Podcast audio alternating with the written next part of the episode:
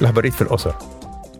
Waqt li għaddejja l-konferenza tan Nazzjonijiet Uniti dwar it-tibdil fil-klima COP27 fl-Eġittu, il-Parlament Ewropew u l-Kunsill qablu fuq regoli aktar stretti dwar l-emissjonijiet ta' gassijiet serra fl-Unjoni Ewropea.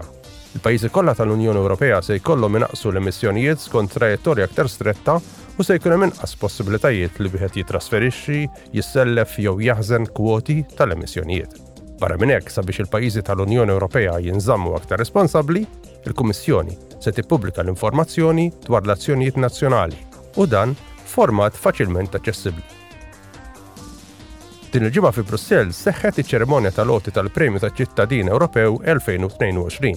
Il-premju li ningħata kull sena mill-Parlament Ewropew Jingħata lil proġetti mmexxija minn persuni jew organizzazzjonijiet li jinkoraġġixxu fehim reċiproku bejn il-persuni fl-Unjoni Ewropea u kooperazzjoni transfruntiera li tibni spirtu Ewropew aktar b'saħħtu. Din is-sena l-Parlament irċieva 300 nominazzjoni li minnhom intgħażlu 30 rebbieħ. Iċ-ċerimonja nfetħet mill-Kanċillier tal-Premju, il-Viċi President Dita Charanzova.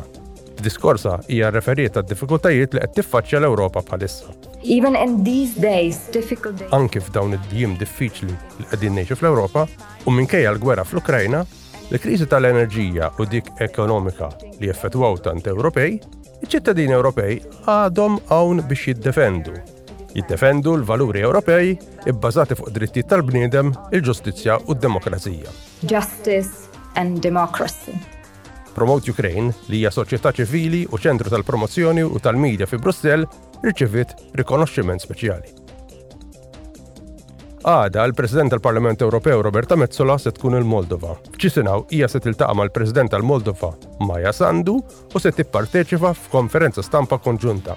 Metzola se tindirizza wkoll sessjoni plenarja speċjali tal-Parlament tal-Moldova.